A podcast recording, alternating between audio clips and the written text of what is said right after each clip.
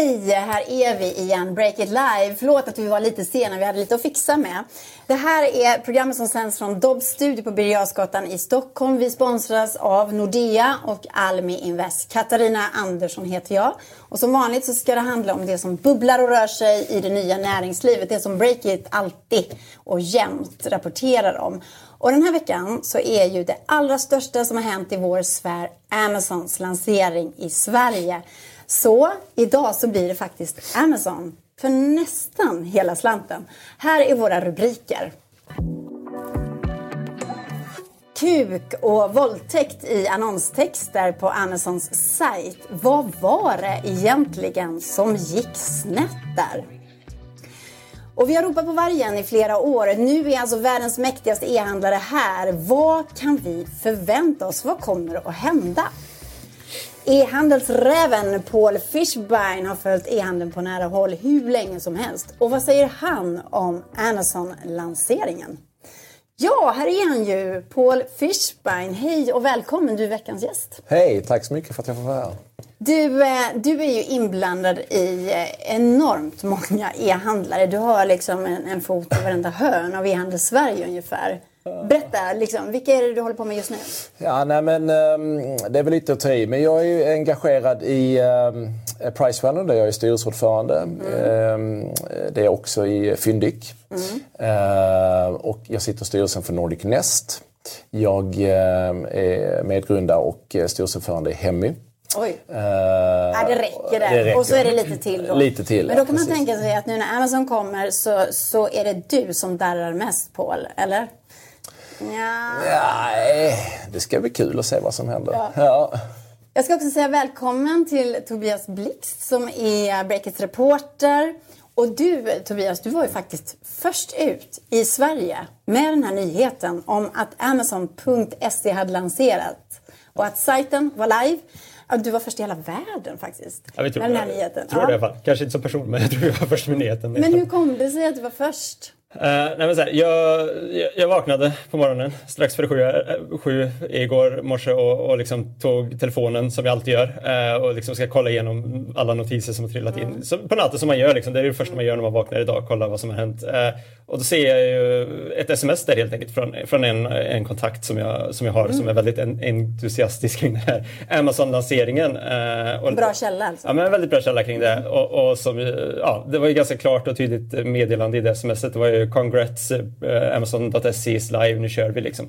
Oj. Uh, och då var det ju bara att ja, kasta sig upp i sängen helt enkelt. Vad gjorde du? På med liksom? Uh, upp i sängen, stappla ut i mörkret, köket i datorn, börja sitta och skriva. Inser att jag bara ändå har kalsongerna på mig så jag kanske ska klä på mig innan man börjar utan att sätta allt för dumma bilder i huvudet på folk. Klä på sig först och börja jobba på riktigt. Sen var det ju liksom, var det 5-10 minuter så hade man en första text mm. ut, lite yrvaket och sånt där. Men det var härlig start på dagen får man väl säga. Mm. Ja. Och spännande för alla såklart att det här var live äntligen. Hur läste du om den här nyheten? Var det på Breakit? Eller? Ja, det var det säkert. Absolut. Nej, men jag vaknade väl också där någonstans och eh, tog upp telefonen som man gör. Mm. Det är ju liksom det som är morgonrutinen. Och eh, jag tror jag liksom fångade upp det via några sociala eh, medier på något sätt. Mm. Något LinkedIn-inlägg eller sådär. Och då eh, gick direkt in och kollade Kolla. runt lite och eh, möttes jag av ett par ja, roliga saker. Kan man säga. Det. Hur gick den här lanseringen? Vi kan väl börja med dig Tobias. Hur skulle du sammanfatta det? Ja, men för, första början när man började skriva nyheter och sånt, då var man ju så väldigt fokuserad på att okej, okay, nu är de här, liksom, vad har de för info, vad är frakten och allt sånt kul info. Mm. Eh, så då var det väldigt mycket det, men sen dröjde det ju inte särskilt lång tid innan alla, alla som var inne och besökte sajten började upptäcka liksom, mer och mer konstiga grejer. Alltså fel översättningar, det var konstiga beskrivningar, det var mycket, alltså det fanns ju liksom ingen ände på alla fel till slut nästan. Det var, ja. det var verkligen så, allt var verkligen fel på många ställen. Liksom. Det blev väldigt roligt. Det blev otroligt eh, mycket som hände i sociala mm. medier och folk överträffade varandra med att prata om hur, hur det såg ut. Och jag kan dra något exempel. Så här såg det ut till exempel. Det var en eh, annons om ett eh, gratulationskort och i annonstexten, det var en stor tupp liksom i annonsen och så står det då roligt gratulationskort, massiv kuk. Jätteroligt att säga kuk i direktsändning men alltså det där känns ju roligt också väldigt tragiskt, eh, pinsamt och du, du cringear Paul. Ja, men det, precis. Nej, men det fanns ju massa sådana exempel. Det är klart att det här är ju, det är ju rena rama katastrofen. Liksom, att, att det blir så här. Och då kan man tänka sig, nej men vad är det de har? 150 miljoner produkter. Det mm. kanske slinker igenom någonting. Men efter en halvtimme så insåg man att det, det, liksom, det finns ju överallt. Och liksom hur många exempel som helst. Det kanske är något av de värsta exemplen. Men det fanns ju jättemånga andra riktigt pinsamma, genanta exempel. Jag har och några väldigt, väldigt roliga också såklart. Ja. Ja. Jag har ett annat här. Eh, där ska man försöka sälja någon slags affisch. Eh, och det är ett rapsfält. Eh, och eh, då står det helt obegripligt följande. Våldtäkt, blomma, pastoral regnbåge, fjäril för väggar, väggmålningar, tapet anpassad 3D etc. Alltså, men våldtäkt, alltså är det så att det har stått raps på svenska så översätter systemet det till rape eller någonting sånt där. Men det här är bara två exempel och som ni säger så var ju hela sajten helt söndermålad av den här typen av knasiga annonser. Mm. Men eh, du säger Paul att, att det här är ju katastrof. Det är ju superpinsamt. Ja, det måste man ju ändå säga liksom, när den här typen av, av ord slinker igenom. Jag är ändå rätt så förvånad. Liksom.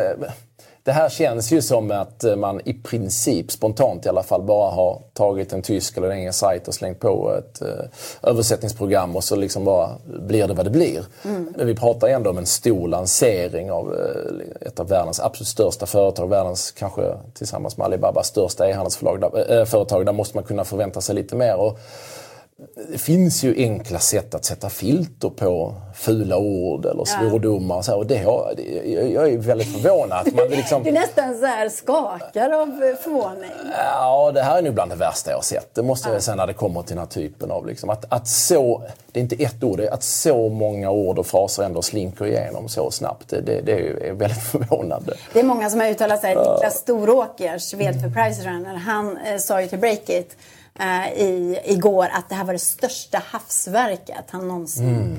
hade sett. Men eh, vi pratar lite här om översättningar som har gått fel. Kan det ha varit eh, automatiska system? Det verkar ju så. Men Tobias, vad vet vi egentligen om vad som har hänt och hur det kunde gå så här snett? Vi vet ju att man använder eh, översättningsprogram mycket i detta och det har de ju pratat om själv från Amazon också att det, det är något de jobbar med och då kan det ju bli fel ibland mm. såklart. Men vi har också fått, och det här är lite mer, jag har ju pratat med, med källor som jag liksom förvisso litar på men det är ändå lite andra källor och lite obekräftat från vårat håll. Men mm. där, där har jag också hört att ändå, från folk som har testat sajten och varit inblandade i processen så har man varnat Amazon för att det inte har varit redo än helt enkelt och att det har sett dåligt ut på förhand. Mm. Eh, men det verkar de inte uppenbarligen ha, ha lyssnat på helt ut. Eh, men det här är ju så basic om man alltså, tittar på små nystartade bolag. Jag har varit med och liksom, eller engagerad i kanske 20 mm. olika företag som har startat de senaste åren. Och det första man gör är ju att när man väljer ett, eller kommer fram till att man vill heta någonting så kollar man ju runt vad det betyder på tjeckiska eller liksom, olika typer av språk för att det inte ska hamna fel för det fall att man liksom ska lansera eller expandera till andra länder. Mm. Så det, det som har hänt här tycker jag, nu är det inga företags namn utan det är produktnamn och det är, liksom, mm. är ju det är såklart filer som skickas från olika merchants men det är väldigt basic i alla fall i min värld. Jobbigt för de som uh. försöker sälja det här Massive Kuk till exempel. Mm. Deras ja, men Jag tänkte komma till det. Alltså det, det, här, kul för dem heller. det är ju lätt att vara lite raljant och skratta och det här kommer man ju rätta till såklart mm. och många ord är ju redan tillrättade. Men det, lite kul för ett stort företag som Adidas liksom och förknippas med en barn-t-shirt som, som heter våldtäkt. Eller det fanns Nej. väl något sånt. Mm. Det, liksom det, det blir ju inte bara en rolig grej. Det här är ju ändå stora brands som, som ja, men det, det här, det är inte okej. Okay, mm. liksom. Och jag tycker att eh, vi på Breaker pratade ju med Alex Oates igår, han som är chef för mm. Amazon EU-expansion. Och då tyckte jag att han var väldigt lam när han säger vi har mycket kvar att lära säger han. Eller hur. Tobias? Ja men precis, ja, men det var så jag förklarade. Och det, eller så här, man kan ju säga att det var öd, ödmjukt också kanske. Men, men ja, absolut. Eh, här, det var ingen bra start, det var ingen bra intryck. Eh, men å andra sidan så kanske också hans svar säger en del om hur det här kanske på, hur de ser på att det här påverkar Amazon också. Det, det är en dålig start men de har ju ett långsiktigt perspektiv och och de har resurserna att ta en dålig smäll kanske i början. Så, så i det långa loppet så för Amazon Amazon personligen liksom, som företag, då kanske mm. det inte är så så extremt eh, tufft som, så, som det verkar nu i början. Men, men det är ju klart att det inte var vad de hade hoppats på. Liksom. Det är mm. självklart. Håller du med eller tror du att eh, Amazon har gjort bort sig för evigt i Sverige med det här? Nej, det tror jag inte. Alltså, problemet med Amazon är ju att det, det är ju som sagt ett, ett av världens största företag med enorma resurser som ja, det är liksom svårt att överblicka hur, hur mm. stort det där är egentligen. Och eh, i kombination med att de, de på många marknader och i många sammanhang bevisligen, eller har visat att de är väldigt, väldigt långsiktiga och är beredda att ta väldigt stora investeringar. Mm. Så att eh, det, det, här är en dålig dag eh, för dem såklart. Eller det var det igår. Eh, men så på 10, 15, 20 års sikt betyder det ju ingenting. Men eh, eh jag, jag, tror däremot att den här eh, omedelbara impacten som många har varit rädda för ska eh, liksom drabba svenska e-handlare eller svensk e-handel generellt. Den kanske är, eh, den impacten kanske är lite mindre så att säga än, än vad man kanske har trott. Mm, mm. Men nu talar du lite i egen sak också för du är faktiskt e-handelskung här i Sverige. så ja. eh, du är en av de som hotas mest av Amazon. Det, det, det, får vi väl se. Det tror jag inte. Jag tror att um, Amazon är ju också en, en um, det har ju varit en viktig drivkraft att driva e-handel och transformationen från offline till online i många mm. länder. Så att det här behöver inte alls betyda att, att alla e-handlare skulle försvinna från, från liksom eh, marknaden på något sätt. Det kan tvärtom vara, vara så att Amazon på sikt är en riktigt större, stark motor liksom, i mm. att uh, fortsätta driva på tillväxt i e-handel. Ja, det får vi se då. Ja. ja. Men eh, en annan sak som också diskuterades väldigt mycket, åtminstone i sociala medier igår, det var ju om det här med alla de här kackiga annonserna var någon slags PR-trick.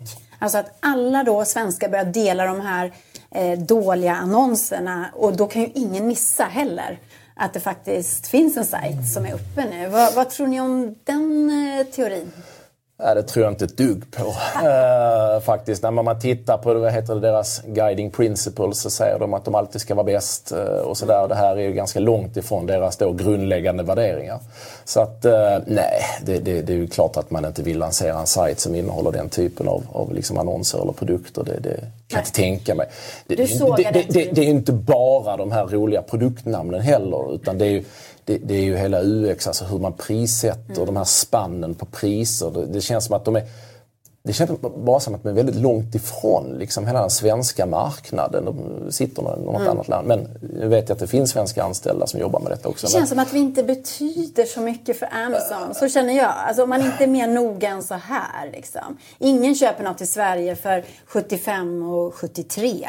Alltså mm. det står nej, nej, precis. Nej, det är ju någon valutaomvandling. De bryr sig inte om oss ja. i Sverige känns det som. Ja, det var något schampo som man sålde. Det var något spann, va, mellan, jag vet inte exakt, eh, som var dagens highlight mellan 18 och 23 kronor. Eller något Vem, det borde man kunna prissätta lite mer exakt tycker man, en flaska schampo. Men vad tror du Tobias, håller du med här om att det var inget PR-trick?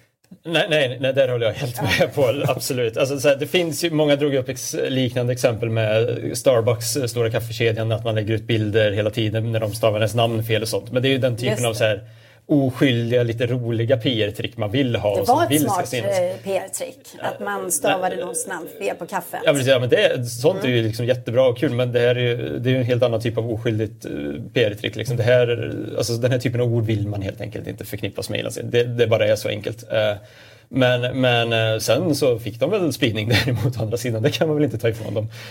Så, ja. ja. Jag vill också säga till dig som tittar nu, har du frågor och kommentarer då kan du skicka in dem på Breakit site eller på vår Facebook-sida. Skicka in alla frågor för Paul Fischbein och eh, Tobias Blix från Breakit sitter ju här och kan ta emot de frågorna lite senare i programmet. Gå in på vår Facebook-sida, ställ dina frågor och gör det nu är du snäll. Hur som helst, Amazon har ju fått enormt mycket uppmärksamhet här då. Eh, inte bara från Breakit, vi var ju först, vill vi understryka.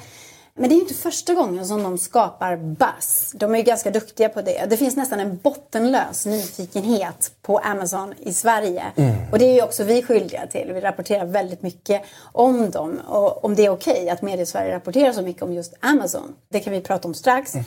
Men du och jag Paul, vi var ju en del av den här hypen. Mm. 2018 så äh, jobbade jag med Breakits podcast, ljud. Och du och jag och Stefan Lundell, grundare för Breakit. Och sen så var det Storåkers också.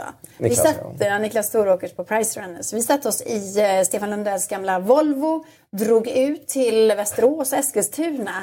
Och i- Katrineholm. Ja, i jakten på att se om de här byggnaderna som Amazon då hade smält upp i de här städerna var det verkligen AVS, alltså Amazon Web Services? Eller var det så i själva verket att de hade byggt lagerlokaler? Det var ganska roligt. Ja, det var en rolig Minns resa. den där morgonen? Absolut, det var en tidig morgon. Vi åkte ju runt. Vi åkte först till Västerås. Ja, stod vi tittade in mellan och pratade med några byggarbetare där. Och eh, det var lite för tidigt, det fanns inga människor. Eh, och sen kom jag ihåg att vi åkte till eh, Eskilstuna. Då hade vi en drönare Då med hade vi en oss. drönare med oss, vi fick tillstånd att flyga med den. Vi intervjuade en bärplockare, kommer jag ihåg att vi gjorde. för att liksom verkligen ta Precis som att han skulle kunna men det roligaste var när, när, när vi gick fram till eh, heter det, själva porten där det satt en vakt. Då, hade, då hade han ju koll på att vi hade varit i Västerås. det. Det var, ju- Just det, då, då ökade oss. pulsen lite. Ja, liksom, att det här, det här är... Och när drönaren fastnar i luften. Precis. För Amazon har alltså eh, drönar, eh, vad heter det, såna här signaler Mm. runt sin, eh, sina byggnader. Så det går inte att köra in över dem. Det var spännande också. Mm. när vi åkte dit där, då hade fan, florerade en massa rykten eh, om att det där är inte serverhallar, det där är lager. Nu kommer de. Och det var därför vi ville åka och titta. Mm. Men eh, det kunde vi ganska snabbt eh, se att det var ju eh, datorhallar. Det- ja, med ja. hela designen. Det fanns ingen liksom, gård för lastbilar, fanns inga lastportar. Och, och så. Var smart att ha med dig där. Det var du som visste alla de här sakerna, vad som måste finnas Ja, ni hade nog också sett att det inte var ett stort lager. Men, men det, det kunde vi snabbt avfärda då, i alla fall efter att ha sett de tre hallarna. Ja. Så där var vi med och gjorde Mm. en, en, en hön av en fjäder kan man säga. Men mm, Tobias, är det okej med all den här mediebevakningen? Man kan men ändå vara lite självkritisk om man jobbar i medierna. Ja men det kan man absolut vara. Det ska, ska man väl vara tycker jag. Alltså, det finns flera sätt på det. Nu, nu är det så här, digitala medier, då får ju allt enormt mycket spridning hela tiden och alla skriver vad alla gör. Eh, För oss på Breakit om jag ska tala för oss, liksom, det är så här, ja, det ska man komma ihåg att vi skriver ju för, för e-handlare i Sverige och liksom företagare och de är ju väldigt nyfikna på lanseringen också. Eh, Vi skriver kanske inte så mycket, man skulle kunna säga som reklam, vi skriver kanske inte så mycket för konsumenten eller inte alls utan vi skriver för företagare, vi skriver för Paul bland annat. Även om han ser nyheten på LinkedIn istället. Eh, nej, men, alltså, vi skriver ju för företag. Liksom. Eh, däremot så finns det, ja, man kan ju prata mycket liksom, så här, om mainstream-medier, SR, SVT, liksom, de har ju skrivit rätt mycket om Amazons lansering. Men de är också väldigt restriktiva med att nämna företag i vanliga fall. Eh, Där finns det ju en intressant diskussion man skulle kunna ta sen i annars. Men, eh, men ja, nej, men man kan vara självkritisk. Men som sagt, det är en väldigt stor grej för e-handeln och det är ett stort intresse runt det. Liksom. Och jag, Då tycker jag inte... Vi, vi har ju aldrig dragit oss för att skicka ut ros och ris till alla företag liksom, i Sverige. Annars. Och vi säger ofta företagsnamn då. det, ja, det gör vi alltid. Jag tycker inte det är konstigt att, att de får mycket uppmärksamhet. Som sagt, det är ett av världens största företag. Men skriver. Klarna-grundaren Sebastian Siemiatkowski, han gillar- inte det. Nej, jag, tror det blir, Sebastian det- jag tror det blir intressant att se hur granskningen eller, eller vilken uppmärksamhet de får nu när de väl har kommit hit. Ja. För då, då, då, om, om, om det är så att, att man ger Amazon alldeles för mycket, eller mer uppmärksamhet än vad man ger andra svenska e-handlare, då, då Mm. kan det ju faktiskt diskuteras. Men nu har det varit mer en spekulativ liksom, period. Ehm, Det, det, det tycker jag liksom varit helt okej. Och jag gissar också att det är journalistiska bedömning, det styrs mycket av vad, vad folk vill läsa. Ja. Och det är så ni liksom Och det är förde- populärt. Mm. fördelar resurser. Liksom. Och det är klart om det är mycket läsning runt, runt det där så gissar jag att ni fortsätter bevaka det. Jag- Nu gissar jag men det, det är ett företag som kommer in och påverkar stort. Och liksom, som, ett, det sagt, som är ett av världens största företag. Det är klart intresset finns där. Nu har vi pratat alltså om lanseringen som var rätt usel. Vi har Mm. pratat om vad det betyder, om det var ett PR-trick eller inte. Om vi tittar framåt då, Paul. Eh, vad, vad betyder det för svenska e-handlare? Nej men precis, det, det tror jag är den liksom stora frågan, eller viktiga frågan. Det är ju väldigt lätt att vara raljant efter liksom den här första dagen och man ser att de redan har börjat rätta till lite. Jag tror att ja, men på, på lite kortare sikt så tror jag att det ändå eh, blir lite svårare för dem än vad folk kanske har trott och vad de själva också har trott. Jag tror inte att till exempel, alltså deras modell bygger ju på att vara en marknadsplats. Och eh, vi, vi ser att de har haft väldigt tufft med att eller jag tror att de har haft väldigt tufft med att få eh, ombord eh, svenska handlare. Mm. Eh, och jag tror ju inte att eh, svenska handlare liksom springer eh, jättesnabbt efter Amazon just nu, efter det som har hänt. Så där, det kan faktiskt leda till att deras, deras liksom uppförsbacke blir lite branta. Ja. Jag såg i någon eh, artikel att de, de, sa att de hade fått in 10 000 produkter från svenska e-handlare. Mm. Det är i min värld väldigt lite. Om man tar Fyndik som ett bolag som jag är involverad i. De har ju 12 000 mobilladdare bara. Så att jag menar det sätter, och, och två miljoner produkter från svenska e-handlare. Och, och, så att det sätter under perspektiv att de har inte kommit långt i det arbetet. Men varför det... skulle man vara försiktig som handlare med sina produkter? Vill man inte bara slänga ut dem på alla sajter som finns? Nej, men, nej, men det, det, det är inte billigt att nej. vara på Amazon. De tar en ordentlig del av din eh, liksom, försäljning. Mm. Uh, och, uh, Så nu är alltså relationerna med dina handlare de är viktigare än någonsin kanske? Nej men för dem är det ju det. det, är det, det är liksom deras affärsmodell bygger i, i stor grad på att de har uh, ett, ehm, ett bra sortiment och det, det ska ju liksom sourcas från, från handlare. Mm. Eh, eller andra företag, det kan ju vara från, från, direkt från tillverkare också. Eh, och det är klart att här drar man väl öronen åt sig lite grann i alla fall, i det väldigt korta perspektivet. Sen på liksom medellång och lång sikt, som jag sa tidigare, det här är ett jätteföretag med stora ambitioner och de har väl liksom såklart ett mål att bli, bli, bli marknadsledande även i Sverige. Mm. Så, att, så att de kommer naturligtvis växa och ta en del av kakan men jag tror inte att det blir som i USA, långt ifrån, där man har 50 marknadsandel. Man ska, USA nu, har vi, ju... nu har vi bandat det, alltså, och sagt det, så får vi se ja, vad som händer. Ja, precis. Men hörni, eh, alldeles strax så ska vi köra frågor från er tittare. Så ni går in nu, ni ställer era frågor. Ni kan göra det på Facebook-sajten, Breakits Facebook-sajt. Eller ni kan göra direkt på vår sajt bredvid den här Twitch-rutan, är det inte så? Ja, vi, vi spelar finns det chatten ni kan ställa på och, och, på Facebook kan ni ställa. Vi har fått in några kommentarer som ah, frågor på, från Instagram också. In med frågorna bara och gör det nu. Men först så ska vi över till vår sponsor Cool Company och på plats där finns vår VD Camilla Björkman. Varsågod. Tack så mycket Katt och studion och jag står här med Melanie Temmel som är rekryteringsexpert på Cool Company som ju vi samarbetar med här i Break It Live för att prata om det nya arbetslivet. Välkommen! Tack! Eh, och sist snackade vi om det här med att allt fler väljer att ta hjälp av konsulter eller frilansare för uppdrag och även tvärtom. Det är fler som väljer att vara frilansare och konsulter. Och nu har ni precis tagit fram en tjänst som tar avstamp i det här. Berätta! Precis, vi har lanserat en tjänst som heter Top Skills. Och Top Skills tror vi är framtidens sätt att hitta konsulter. Så vi har eh, skapat en app som matchar frilansare med uppdrag där vi har kombinerat AI-teknik med mänsklig expertis mm för att matcha på bästa sätt. Så jag som uppdragsgivare då kan gå in och ta hjälp i appen. Eh, vad, vad, finns det för kompetenser och människor där? Ja, det är allt inom IT och kreativa ämnen. Så mm. utvecklare, kreatörer, designers framförallt. Just det. Men, men är det här då framtidens liksom, rekryteringssätt, eh, både med app appar och, och vad finns det mer för, för trender som, som syns? Ja, eh, men det är mycket tekniken i fokus. Så att bolag kommer att använda sig av teknik i större utsträckning än vad de har gjort tidigare. Dels för att kvalitetssäkra i en rekryteringsprocess. Mm. Eh, men även för att bibehålla kompetensen och kompetensutveckla den personal de har. Just det. Jag, jag tänker på de här uh, rekryteringsrobotarna man har mm. läst om och, och, och, och det snackas om att du tar tekniken över allt. Liksom, ser du det också? Eller? Det dyker ju upp fler och fler sådana men vi tror inte att det ersätter människorna. Nej, okej, det var ju skönt att höra. men, men vad är dina tips till mig då som uppdragsgivare? Om jag vill lyckas med, med ett uppdrag och ta in en person som matchar det, vad ska jag tänka på? Mm, som uppdragsgivare så borde man förstå sig på hur het den här marknaden är. Mm. Eh, man måste vara snabb och många gånger så tappar man kandidaten för att man inte varit tillräckligt snabb, mm. inte haft tid att prioritera och eh, gör långt utdragna processer.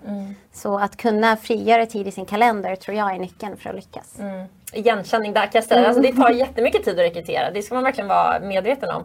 Men eh, en av mina käpphästar det har alltid varit det här med människan är det viktigaste. Alltså du hittar en bra person och så kan du alltid på något sätt fixa till rollen efter den. Men här låter det ändå som att man måste börja ganska mycket tvärtom. Är det jag som har liksom ett gammeldags tänk eller vad säger du? Jag skulle säga att det beror lite på om det är konsultförmedling eller rekrytering. Mm. När det kommer till konsulter så tar man ju gärna in spetskompetens i punktinsatser. Mm. Medan med en rekrytering så vill man ha någonting långsiktigt. Mm. Och en personlighet är ju inget som går att lära sig. Medan tekniken kan man ju lära sig. Så Just jag tror ändå att personligheten vinner i, i längsta laget. Ja, okej. Skönt det också. Eh, men ladda ner Top Skills och testa. Eh, och kan man ringa dig kanske Ja, om man är uppdragsgivare? ja, det kan man göra. Melanie Temmel, härligt. Tusen tack Cool Company och eh, tillbaka till studion.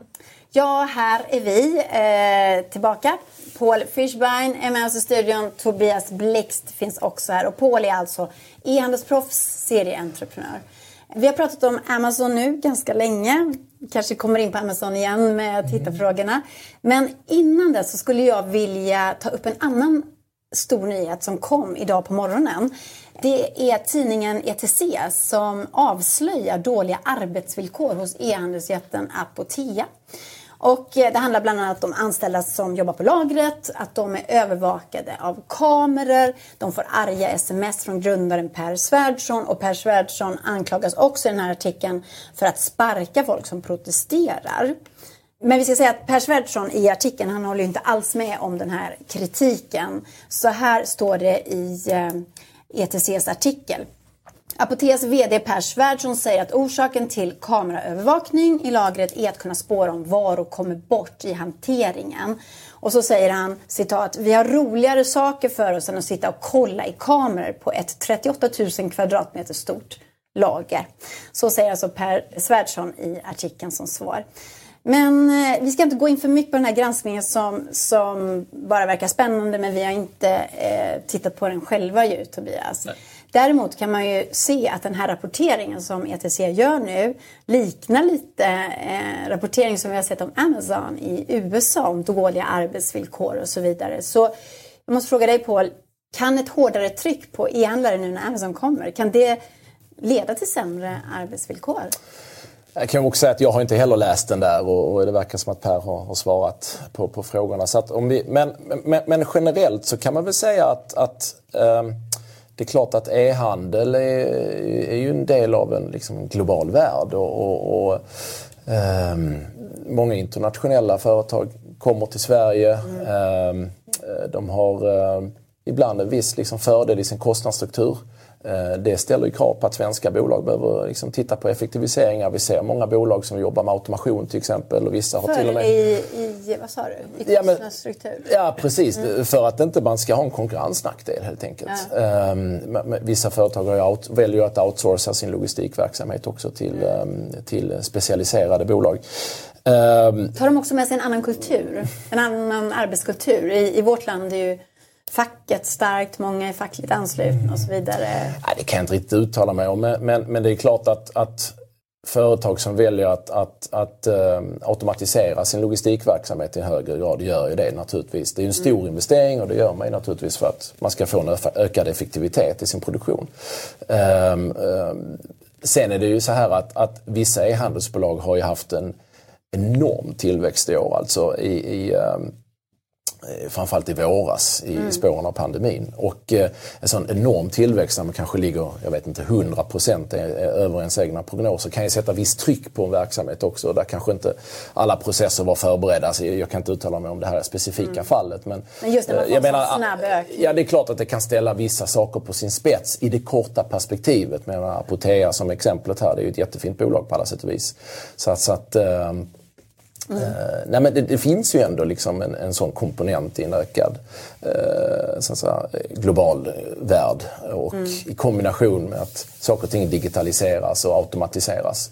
Att det kan eh, liksom, få viss påverkan på, på Ja, för som sagt, vi har sett de här skriverierna om Amazon i USA. Nu kommer den här granskningen om dåliga arbetsvillkor eh, på Apotea och i det lagret. Liksom.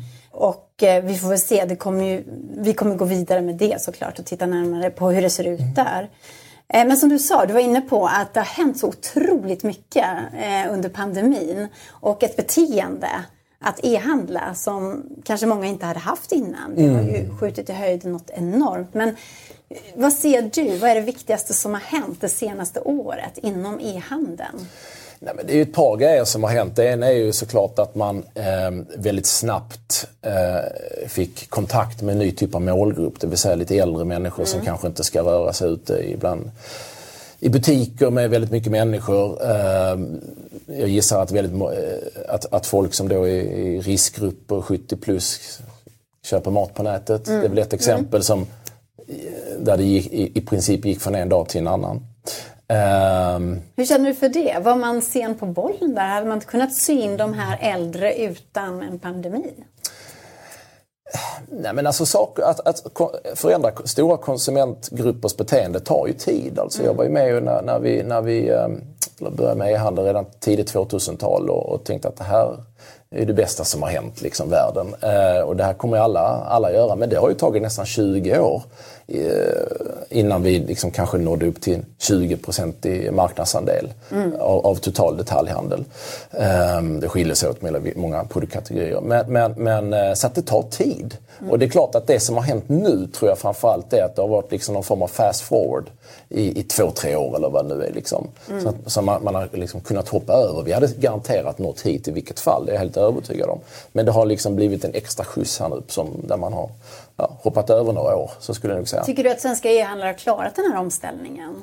Till alltså att eh, lyckas eh, anamma det här och, och locka de äldre att se till att det blir en bra upplevelse? Ja, det är ju inte bara äldre, det är ju naturligtvis andra, mm. alltså icke-äldre, även yngre då som, som kanske inte handlade på nätet. Jo men det tycker jag att de, de flesta har, har lyckats med, absolut. Sen är det väl liksom de, de som hade, så att de, de, de är handelsbolag som så innan pandemin bevisligen redan var duktiga. De tycker mm. jag har, liksom, har blivit ännu bättre. De var liksom väl förberedda. Så det, jag, jag, tror att det beror mycket på var man var innan det här kom också. Mm.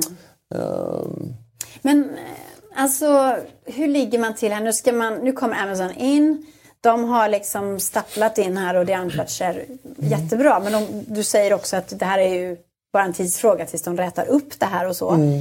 Eh, om man nu ska konkurrera med världens största butik Eh, då måste, måste de svenska e-handlarna gå tillsammans och ja, kanske köpa upp varandra. För det kom också en nyhet igår om att eh, Footway hade köpt Caliroot ja. till exempel. Mm. Är det här någonting vi kommer se mer av? Att man eh, konsoliderar, heter det väl? Ja, ja. ja. Nej men alltså så här, först och främst det finns ju liksom väldigt sällan några genvägar utan e-handel handlar ju mycket det sitter mycket i detaljerna. Det handlar om att gå till jobbet varje dag och göra i princip samma sak fast försöka göra lite bättre hela tiden. Mm. Eh, och det, liksom, det kokar ner till att man har ett konkurrenskraftigt sortiment.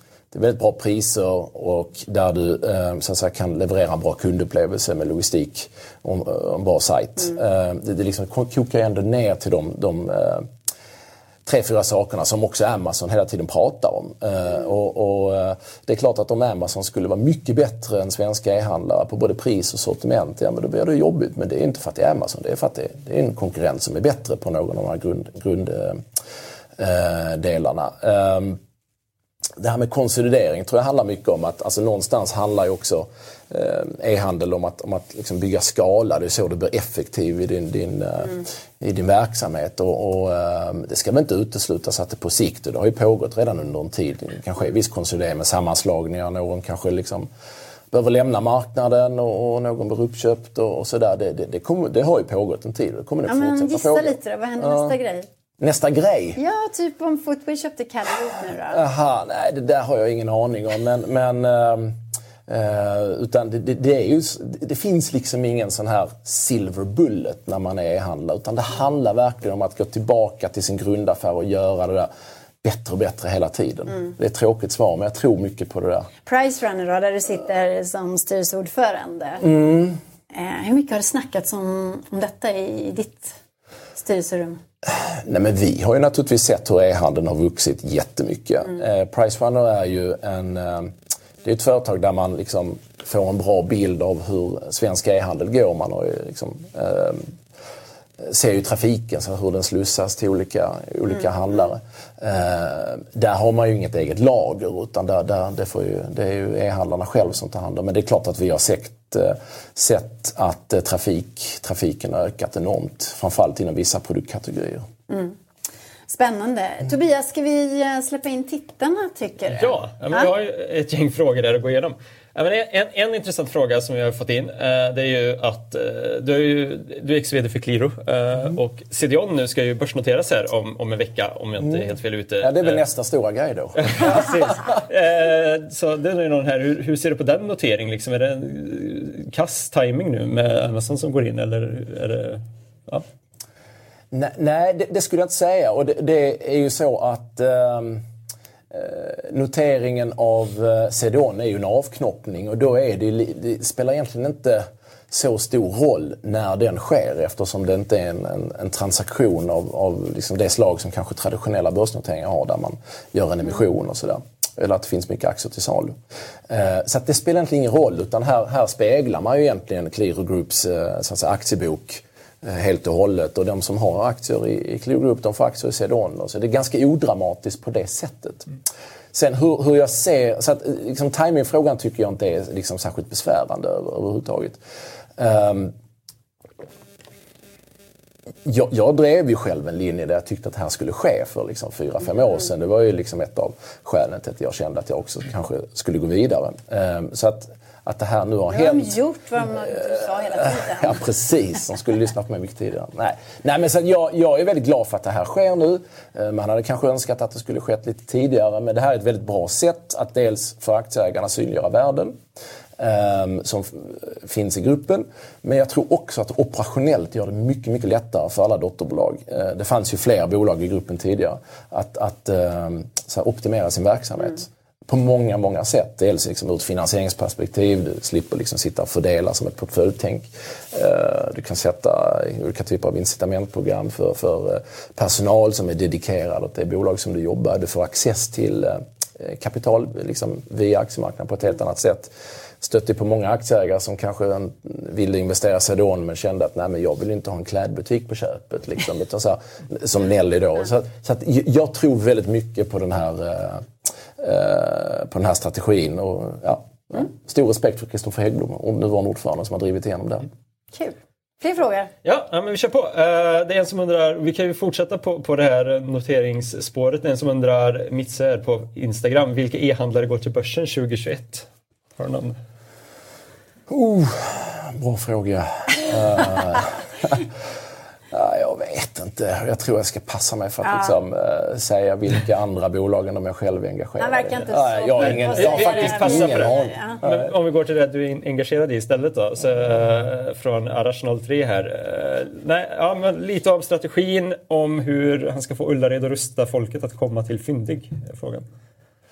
Hur vi ska få dem att komma till Fyndik? Nej, men jag, Fyndik har ju både förra året men framförallt i år också sett en sån här explosiv tillväxt med, med liksom många, många tiotals procents eh, tillväxt. Eh, så att det, det, det händer nu.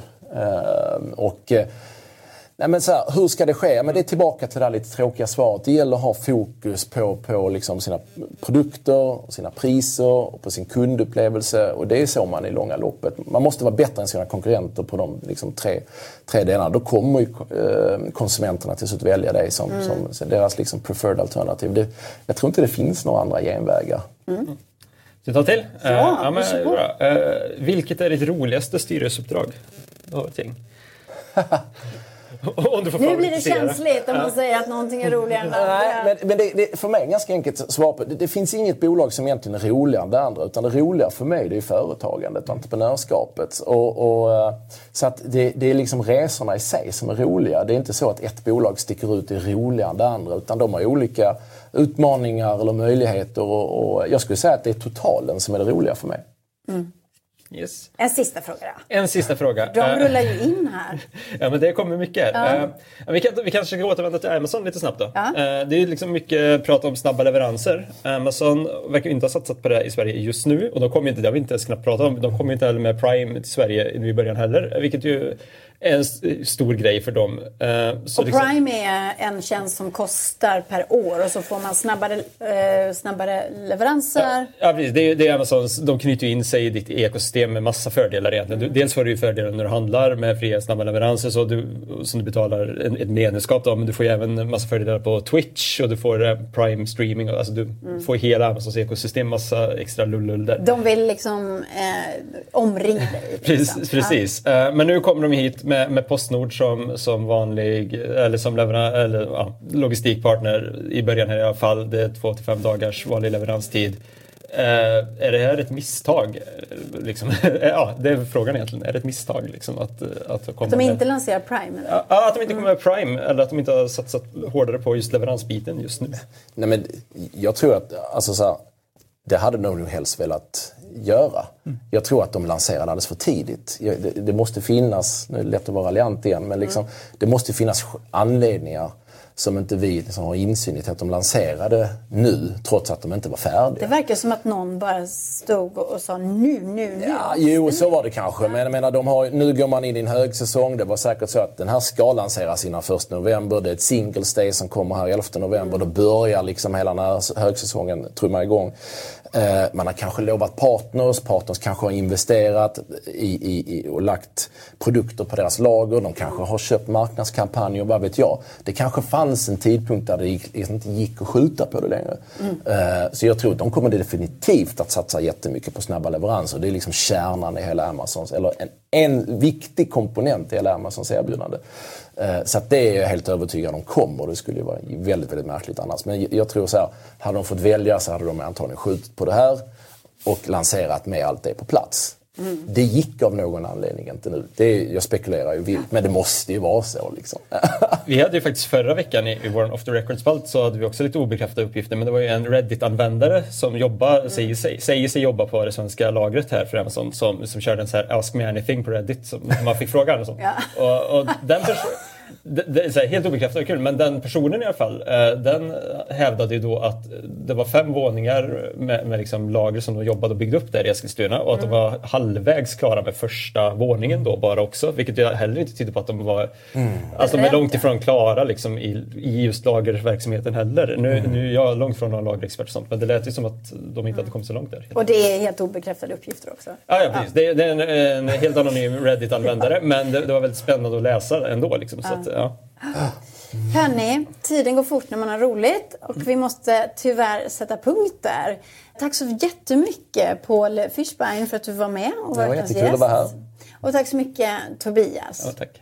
Och tack så mycket till er som tittar och så vill jag också tacka våra sponsorer Nordea och Almi Invest. Vi är tillbaka nästa vecka 13.30 och då lovar jag att vi kommer vara igång prick 13.30.